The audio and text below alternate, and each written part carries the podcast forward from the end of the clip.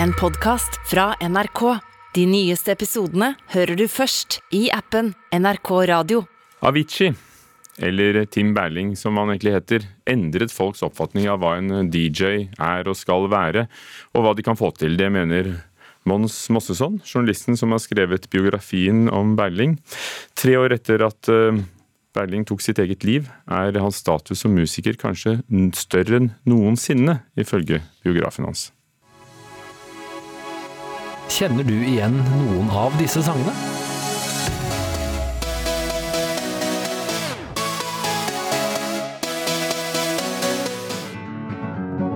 Feeling my way through the darkness, guided by a beating heart. Vel, de er laget av en svensk fyr som het Tim Bergling. Han var bedre kjent som Avicii, og i 2018 tok han sitt eget liv, bare 28 år gammel. Nå har det kommet en ny autorisert biografi om Avicii, og forfatteren bak boka, Mons Mossesson, mener Bergling endret folks oppfatning av hva en DJ sin rolle er. Så det fins en idé om at en DJ går bare opp i båset og typ trykker på play og sen så kanskje trykker på tre knapper til og that's it liksom. Um, hele den diskusjonen har helt forsvunnet kring Tim. Nu, ser alle honom som just den modige musikaliske visionär han var. For Avicii ville ikke være en som bare trykket på en knapp, og så kom dunk, dunk, dunk musikk. Han ville vise at han virkelig kunne lage musikk, noe han gjorde bl.a. ved å blande elementer fra såkalt EDM, Electronic Dance Music, med akustiske instrumenter.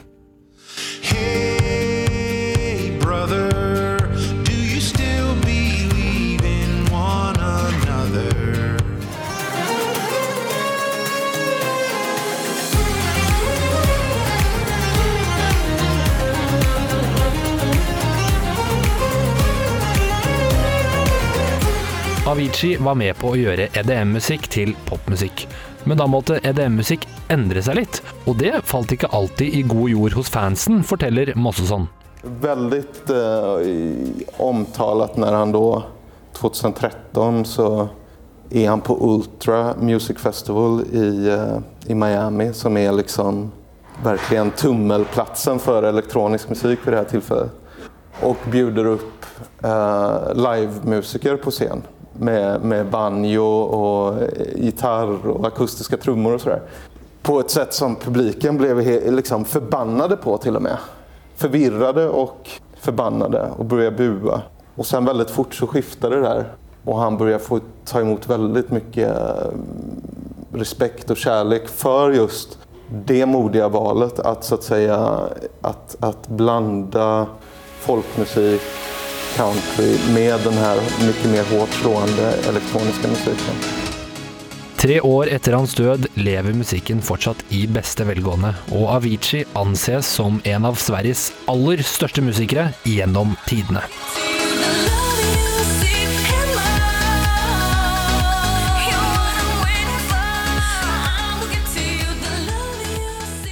Reporter var Torvald Skåre Askim. Audun eh, Molde, musikkviter, eh, forfatter av litteratur om populærmusikk. Ja, hva vil du si? Eh, har Avicii forandret musikken? Ja, i sin generasjon så har han gjort det. Han øh, hadde jo en veldig teft også for å overskride noen grenser. F.eks. at han blanda EDM, altså en veldig elektronisk, sånn preprodusert musikk, med levende elementer, da levende musikere.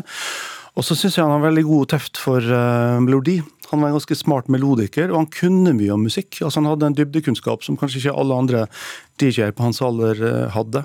Men er i det, i det hele tatt betegnelsen DJ, diskjockey, litt misvisende for oss som tenker på, på, på diskoteker? Den, den, er gammeldags. fordi at uh, På 1970-tallet så ble jo den forståelsen endra når DJ-ene begynte å ta jobben som musikerne egentlig hadde hatt, og begynte å ta jobben som produsentene egentlig hadde hatt. Altså DJ-ene ikke bare spilte av plater, men de lagde ny musikk basert på plater, sant? på samples og breakbeats osv. Så, videre. så det har skjedd ufattelig mye med DJ-rollen de siste ja, 40 årene. da. Men det låt jo underlig, eh, det han fortalte her i reportasjen, at eh, folk reagerte på uh, negativt. De buet når han hadde med levende musikere på scenen. Ja, du, Den historien som dere spilte nå, det er jo gull. fordi at Det minte jo meg om en annen historie fra når Bob Dylan for 55 år siden går opp og spiller elgitar på en scene, hvor hele publikum forventer at han skal synge viser og spille kassegitar, og så blir folk forvirra og, og, sinte på han. Så det, det, handler jo om at du tar noe som er eh, som ditt domene, og så utvider du de grensene. Og noen vil eh, bli sinte, og noen vil bli begeistra.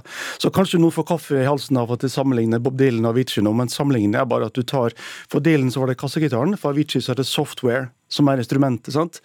Og så utvider man det. Og Det er jo sånn musikken går framover. At man blander ting, og at man utfordrer grenser, og at man uh, har et litt sånn selvstendig forhold til konvensjoner. da. Og Avicii hadde det i sin generasjon. Var elektronisk dansemusikk, EDM, kjempestort? Ja, når vi spoler tilbake sånn ti år til den perioden hvor Avicii slår igjennom, så var det jo en periode hvor det var det. Absolutt. Samme periode som Kygo slår igjennom, f.eks. Så det var et sånn rom der. Og, og, vi ser det i Norge også med Findingsfestivalen på Bislett, f.eks. Palmesuset Kristiansand. At den, har, den type musikk har stor appell både på spillelistene, og, men også live. da. Selv om det ikke skjer så mye på scenen, annet enn fyrverkeri og lysshow, på en måte, så ble det en sånn samlingspunkt for veldig mange. Brukte det som et, møte, et møtested. Og så hører du det i popmusikken som er laget etterpå. Mm. Som for eksempel? Nei, altså at uh, Den grensen mellom klubbmusikk da, i snever forstand og det at du kan ha vokalister og refrenger og fortellinger som popmusikken alltid har gjort, den grensa finnes ikke lenger. Altså Det er mulig å, å, å krysse de grensene sånn som man vil. da. Selv om EDM-musikken på en måte ikke er det den var nå for ti år siden, så, så er det noe av det som, som lever videre. Hvem er de store DJ-ene i dag? Det tror jeg vi må svare på om fem år. det er veldig vanskelig å si. Men Du kan følge med på noen av de. men du har jo noen veteraner, og sånn Martin Garrixer og sånn, som har holdt på mange år, som har stor innvirkning i dag. Men det kommer jo alltid en undergrunn som ikke vi vet om her og nå, men som vi vil se i framtida. Takk skal du ha. Audun Molle fra Høgskolen Kristiania og forfatter av boken Pop en historie. Så til eh, spørsmålet hele filmbransjen eh, stiller seg, og kanskje de ivrigste kinogjengerne også. Vil kinoen få tilbake den samme posisjonen som den hadde før pandemien, eller vil en del av publikum nå for alltid heller sitte og strømme filmer hjemme i sofaen isteden? Kulturreporter Kristian Ingebretsen, eh, store spørsmål å ha svar på. Jeg forventer kanskje ikke det, men du kan gi oss en retning, en indikasjon? Ja, jeg kan i hvert fall si noe om de ferskeste besøkstallene på norske filmer. Eh, for som eh, bransjeorganisasjonen Film og Kino skriver i sine rapporter, og da har jeg med den, den delen av rapporten fra 2019, så har jeg brukt sånn gul markeringstusj, Birger. Se her. Du leser det som står der, som jeg har merka. Ja, vær så god. Bra besøk på norske filmer er gjerne det som skal til for et godt totalbesøk også. Ja, riktig. Hvorfor skulle jeg gjøre dette? Fordi eh, eh, hvor mye nordmenn har gått på kino og sett de norske filmene, har en del å si. Eh, og dermed da, det har jo også en del å si fordi at dette er jo eh, filmer som har fått mye støtte fra NFI, altså våre skattepenger. Ehm, vi kan jo begynne med 'Tre nøtter til Askepott', da, som hadde premiere på fredag. Den er i løpet av helga sett av litt over 100 000 mennesker. Det, Ja, det er et godt tall. Faktisk den nest beste åpningshelga i år, kun slått av James Bond. Eller ja, skutt av James Bond, er jo litt gøyere å si. Mm -hmm. Eh, katastrofefilmen 'Nordsjøen' etter nå sett av rundt 170 000 mennesker, som er bra, men det er ikke i nærheten av hvor mange som da så forgjengerne, 'Bølgen' og 'Skjelvet' eh, etter en like lang spilleperiode på kino. Eh, Joakim Triers 'Verdens verste menneske' derimot er veldig godt sett til en slik type film. 180 000 nordmenn har kjøpt billett til den. Det er faktisk dobbelt så mange som totalt sett så den forrige filmen i den såkalte Oslo-trilogien, Oslo 31. august. Og det er jo også ti år siden, så det var en annen tid. Mm. Mm, vi skal ta denne tesen på alvor, da, som jeg nettopp leste fra Film og kino. Ja, Det var derfor du leste det, vet du. Ja, ja. nå kommer vi tilbake. Ringen er sluttet. Ehm, hva sier det om kinobesøket totalt sett? Ja, Det kan man jo ikke si noe sikkert om før året er omme. Oktober var en god måned for kinoene, det vet vi. Det tar seg opp. Men foreløpig er kun tre av ti av årets mest sette filmer norske. Og så er nok bransjen nå veldig spent på uh, krigsfilmen 'Kampen om Narvik', som kommer første juledag. Endelig en ordentlig heltefilm fra krigerne i Nord-Norge. Kristian yes. uh, Ingebretsen, takk skal du ha. I tre uker har det vært hektisk ved Nationaltheatret i Oslo. Det har vært lang eh, kulturstreik, og årets juleforestilling hang i en tynn tråd. Men i helgen, tre uker at streiken var over, var det premiere.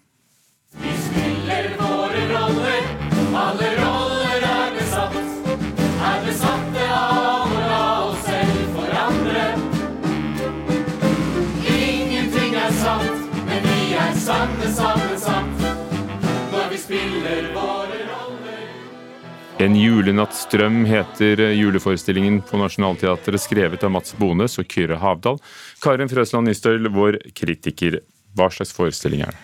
Ja, Det er en veldig lite julete juleforestilling, egentlig. Men samtidig så er det en stor kjærlighetserklæring. Mest av alt en kjærlighetserklæring til teatret. Det er en forestilling som handler om å lage teater. Og faktisk er det den tredje barneforestillinga jeg ser denne høsten som handler nettopp om å lage teaterforestilling. Så det er kanskje en greie i tida. I En julenattsdrøm så skal de sette opp en Askepott-forestilling ved et teater. Og det er helt tydelig henta inspirasjon fra Fanny og Alexander, fra Shakespeare og Shakespeare in Love, og fra Tre nøtter til Askepott. Og er dette noe som vekker gjenklang hos barn? Nei, de referansene tror jeg kanskje kommer etter hvert, eller litt drahjelp får de nok fra Tre nøtter til Askepott. Filmen som nettopp kom, det er ganske bra for Nationaltheatret sin del, tenker jeg, for det er ikke sikkert barna benker seg foran en tsjekkisk film på julaften, sånn som jeg gjorde da jeg var barn. Men forestillinga er full av teaterreferanse, som for noen er helt sånn naturlig å ta, og for andre så kan det være litt mer knotete å komme inn i. Jeg elsker at dramaturgene har fått sin egen sang, men det er ikke sikkert alle syns at det er like gøy som jeg syns. Så i denne forestillinga så trenger man en god rollefigur å hekte seg fast på som barn, tror jeg. Og Monica Dybwad spiller Askepott i en tydelig og god historie. Hun er lett å følge, hun er barnas inngang til å bli med inn i denne forestillinga. Så der, de er ivaretatt i en god historie. Vi sa litt om det i begynnelsen her, men dette med humoren, hvordan er den? Ja, den, den, den, er litt vanskelig å svelge enkelte deler av den, jeg må bare si det. Altså, I alle eventyr så finnes det en ond stemor, som gjør at det oppstår uventa hendelser som man må håndtere, og her så har den onde stemora, som da tilfeldigvis er teatersjef, onde planer, henta inn eksperter på barneteater for å redde Askepott-forestillinga. Disse ekspertene mener at kunst for barn består av tre ting bæsj, tiss og promp. Og dette tar de helt ut på Nationaltheatret. De tar det så langt ut at når du tror det ikke går an å finne på mer, så er de bare halvveis. Og jeg kjenner at jeg faktisk er litt kvalm ennå når, når, jeg tenker på det. Um, det er litt vanskelig å Det er en helt annen del av forestillinga enn den der 'vi elsker teatret', denne svulmende kjærligheten som jeg snakker om. Og jeg lurer litt på hvem denne bæsjehumoren egentlig er gøy for. Eh, om det er dratt så langt ut at barna bare blir helt sånn hva, hva, er dette her? Eh, om det er voksne som ler, om noen ler i det hele tatt. Eh, det er en veldig rar del, men en viktig del av forestillinga. Og jeg vet at mange ikke liker det. Eh, men samtidig så tenker jeg at dette blåser jo liv i en diskusjon om kunst for barn. Hva skal kunst for barn egentlig være? Og den diskusjonen syns jeg vi må ta oftere enn vi gjør. Men akkurat eh, For min del så kunne de bare ha tatt det Jeg ble satt ut, og jeg ble litt kvalm. Eh, og så ser jeg at det er morsomt, det er morsomme grep, og det er proft gjort. Men jeg er usikker på om det egentlig hadde behøvd å være der. Ikke den eneste juleforestillingen, denne her. Uh, ender den godt til slutt, forresten? En julenattsdrøm? Ja, når enden er god, er allting godt. holdt jeg på å si. Ja, det gjør den. Og historien er som nevnt godt skrevet, og man, man elsker teater når man går ut derifra, og man ikke da har blitt, uh, fått liksom denne bæsjehumoren helt i halsen. Er det en god julesesong på Norske Teatret? På Nationaltheatret? Ja, de, eh, de, kom jo i gang til slutt, da. Uh, vi får se hvordan dette blir mottatt. Jeg er spent på hva barna egentlig syns. Og det som er veldig fint, er at vi kan lese alle anmeldelsene våre, også din Karin Frøsland Nystøl av en julenattsdrøm på Nationaltheatret på nrk.no anmeldelser. Du har hørt en podkast fra NRK.